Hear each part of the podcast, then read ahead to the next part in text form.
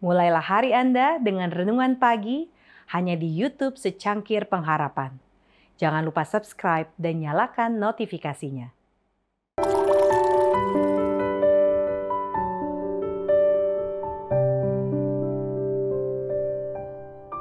Shalom pemirsa, secangkir pengharapan untuk mengawali hari ini. Memberikan putranya untuk menebus saya. Tetapi Tuhan berkehendak merumuhkan dia dengan kesakitan apabila ia menyerahkan dirinya sebagai korban penebus salah. Ia akan melihat keturunannya, umurnya akan lanjut dan kehendak Tuhan akan terlaksana olehnya. Yesaya 53 ayat 10.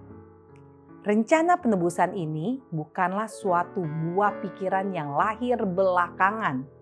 Suatu rencana yang dirumuskan sesudah Adam berdosa. Rencana tersebut adalah wahyu yang sesuai dengan pernyataan rahasia yang didiamkan berabad-abad lamanya. Itu uraian asas-asas yang telah menjadi dasar singgah sana Allah sejak zaman abadi. Sejak mula pertama, Allah dan Kristus sudah mengetahui kemurtatan setan dan kejatuhan manusia oleh kuasa tipu daya pendurhaka itu.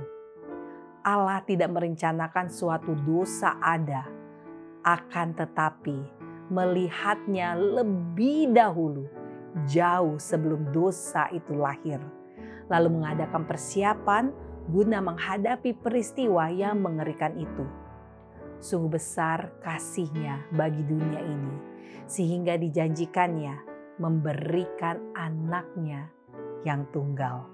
Supaya setiap orang yang percaya kepadanya tidak binasa, melainkan beroleh hidup yang kekal. Alfa dan Omega, jilid 5 halaman 16. Ia yang tidak terbatas dalam hikmat, tidak merancang rencana lain bagi keselamatan kita, kecuali pengorbanan anaknya.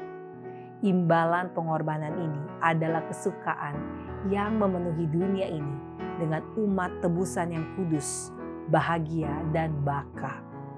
Akibat dari pertentangan juru selamat dengan kuasa-kuasa kegelapan adalah sukacita bagi umat tebusan yang akan menyumbang kepada kemuliaan Allah selama-lamanya dan demikianlah nilai jiwa yang membawa kepuasan bagi Allah dengan harta yang dibayar.